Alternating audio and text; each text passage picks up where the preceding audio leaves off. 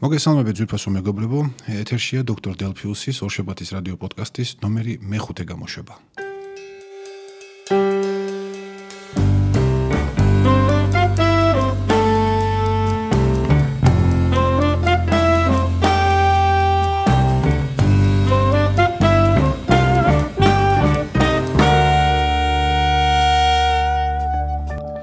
მაშასე დღეს არის უკვე 7 ოქტომბერი ორშაბათი დღე და შუადღის პირველის ნახევარია. ალბათ საინტერესო იქნება თქვენთვის იმის გაგება თუ რატომ მქონდა ერთკვირიანი ჩავარდნა გადაცემის გამოშვებაში და დღესაც რატო ხდება ამ გადაცემის ჩაწერა არა დილას ორშაბათ დილით როგორც ეს ადრე ხდებოდა ხოლმე არამედ უკვე ნაშუა დღეს, იმიტომ რომ პირველის ნახევარია და როდესაც ჩვენ ამ გადაცემის ჩაწერას დავასრულებთ, პრინციპში პირველიც გახდება და შეიძლება ცოტა უფრო მეტიც გააჩნია თუ რამდენი ხანი ჩავწერთ ამ გადაცემას. გამომდინარეობს ეს ყველაფერი იქიდან, რომ გასული ორშაბათიდან კომპანიაში სადაც მე ვმუშაობ, შეიცვალა გარკვეული წესები თანამშრომლების სამსახურში მისვლის და მოსვლის წასვლის უფრო სწორად. რომლის მიხედვით სამწუხაროდ შეიზღუდა, არ ვიცი, შეიძლება დროებით, შეიძლება მუდმივად სამუშაო საათების დაწყებაზე უფრო ადრე მოსვლა სამსახურში. ანუ თანამშრომელი პრინციპში შინაგანა წესით და კანონმდებლობის მიხედვითაც უფრო უფრო შინაგანა წესის მიხედვით მუშაობას უნდა იწყებდეს 10 საათსა და 00 წუთზე. ასეა ჩვენს კომპანიაში და ასეა ძალიან ძალიან ბევრ კომპანიასა და ორგანიზაციაში. მე მქონდა გარკვეული სახის პრივილეგია. მე არა მარტო მე, რამდენიმე ადამიანს და შეგვეძლო დაუშვათ მოვსულიყავით უფრო ადრე და ამასთან ერთად წავსულიყავით ცოტა უფრო გვიან ვიდრე ამას მოითხოვს ძირითადი სამუშაო ფუნქციები. ამ ხელმძღვანელობის გადაწყვეტილებით ეს სიტუაცია გაუქმდა მიერიდან, უბრალოდ გასული ორშაბათიდან ჩვენ მუშაობას ვიწყებთ 10 საათზე და 00 წუთზე.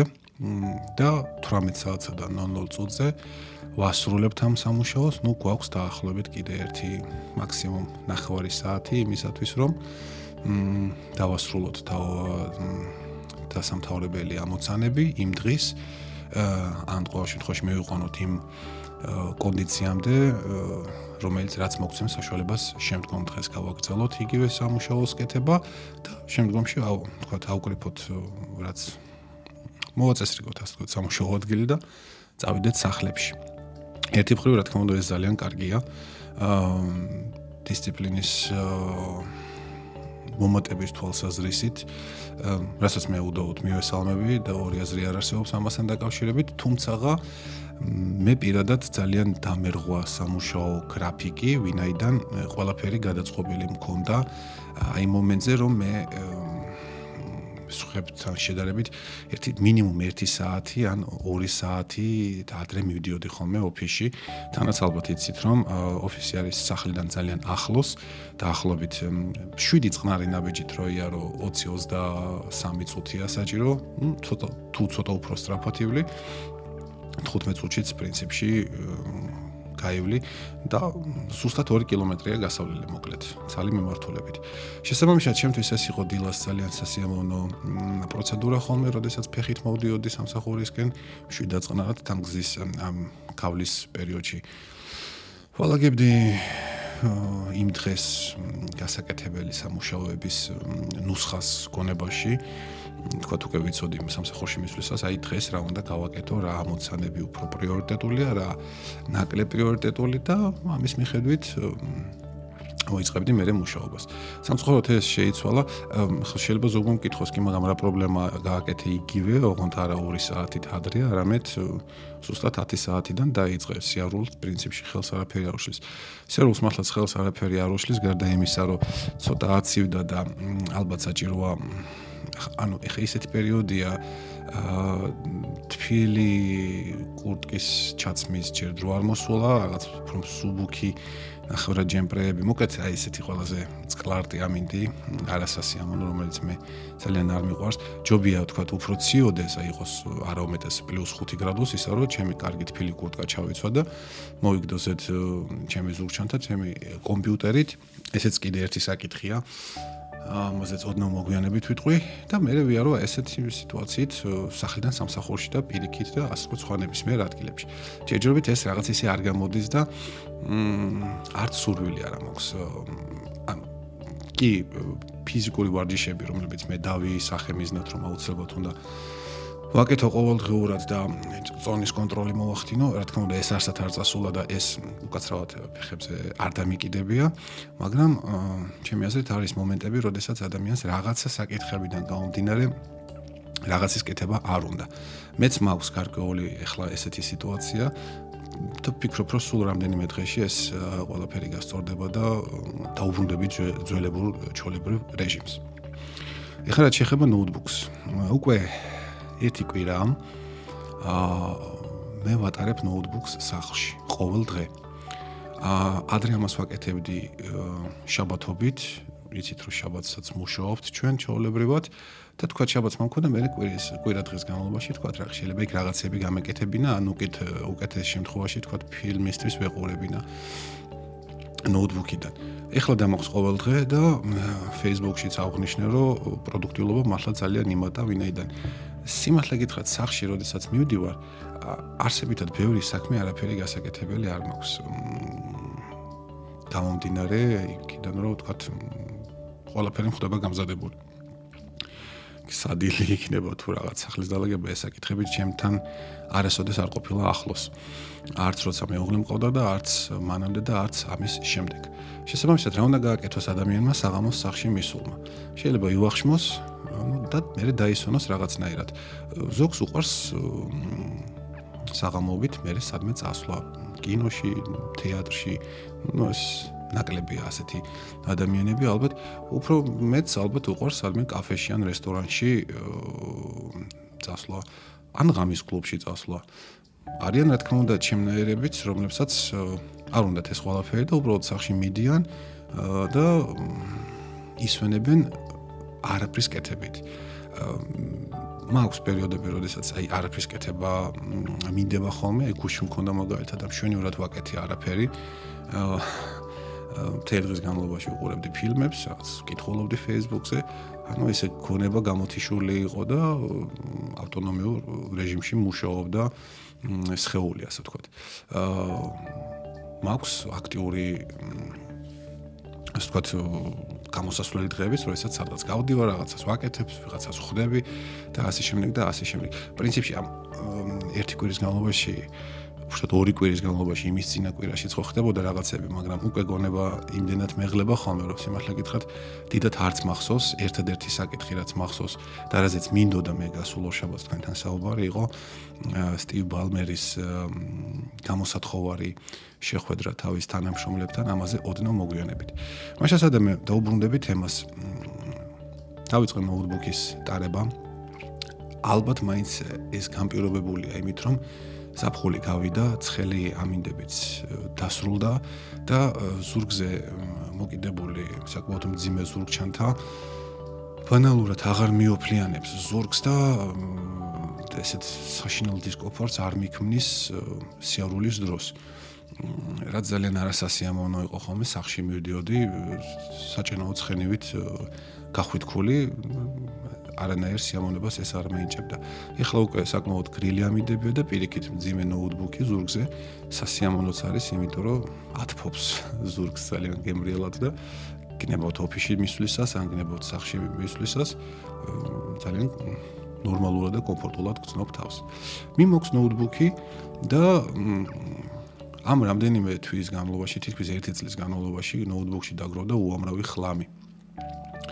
აა არა ცოტა ხლამი კი არა, ძალიან ბევრი ხლამი დაგროვდა, რომელსაც არა მარტო დახარისხება სჭირდება, არამედ გარკვეული სახის დამუშავებაც სჭირდება. ეს არის სხვადასხვანაირი სტატიები, რომლებიც უნდა იყოს გამოყენებული ახლანდელ ბლოგებში, სადაც წერ და მომავალ ბლოგში, რომელშიც უნდა ასევე წერო.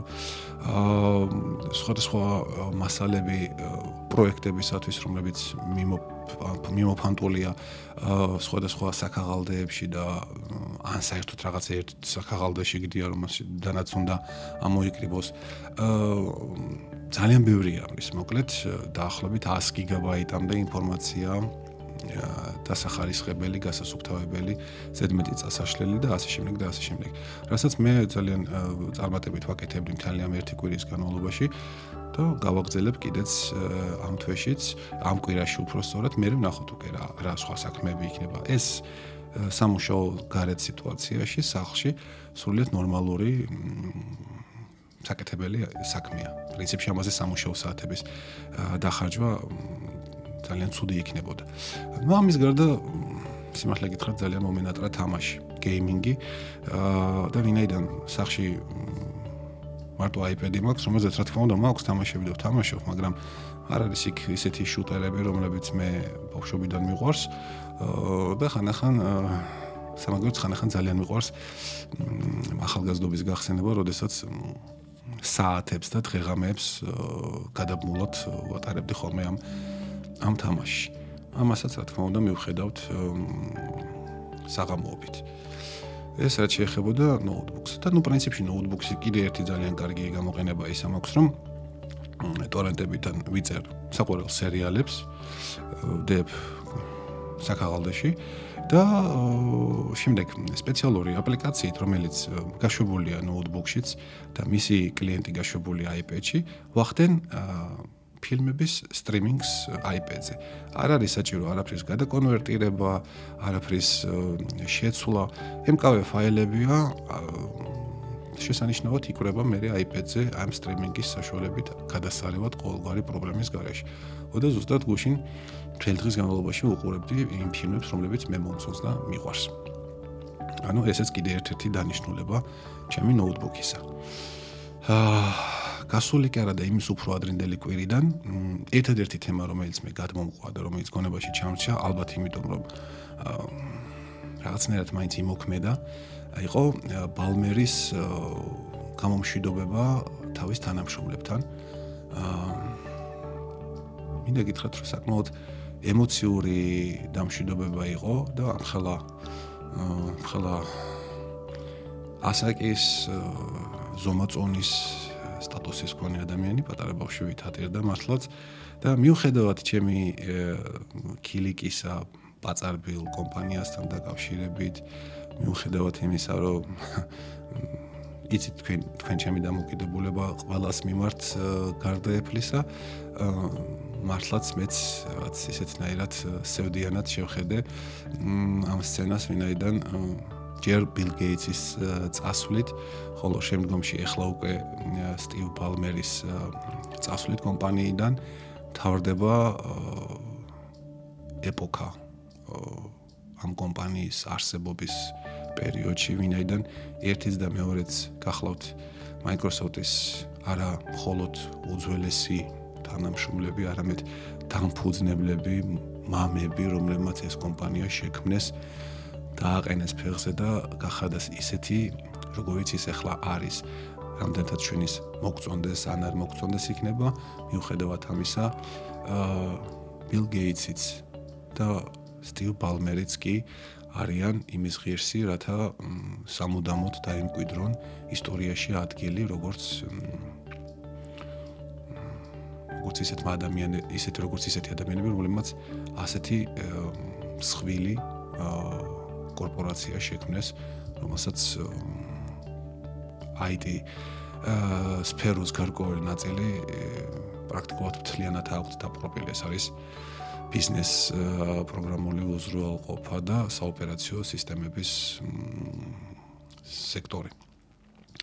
აა პალმერი, რა თქმა უნდა, თავის რეპერტუარიდან არ ამოვარდნილა ყვირო და ხრიალებდა, დახტოდა სცენაზე, ასეთი სუქანი და მძიმე წონის ადამიანი, მე როგორც უკვე გითხარით, იტირა და ესე კვეთრად გავარდა კულისებში და ამით ვიდეოც დასრულდა.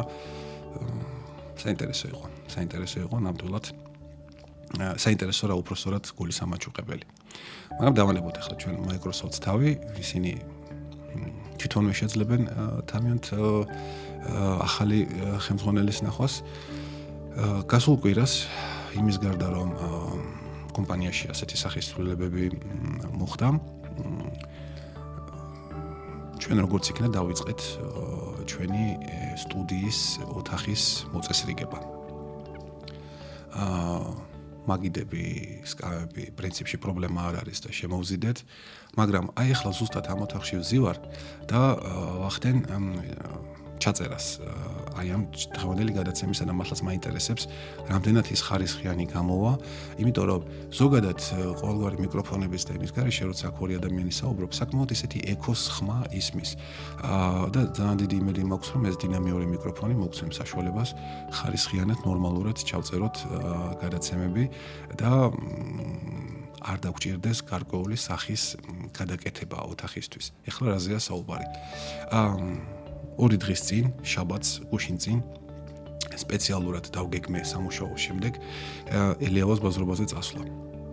ამოცანა იყო შემდეგში, რომ მინდოდა მეშოვნა ის ღრუბლები, ანუ გუბკა, როგორც ეძახიან, რომელთაც რომელსაც ავაკრავდი კედლებზე.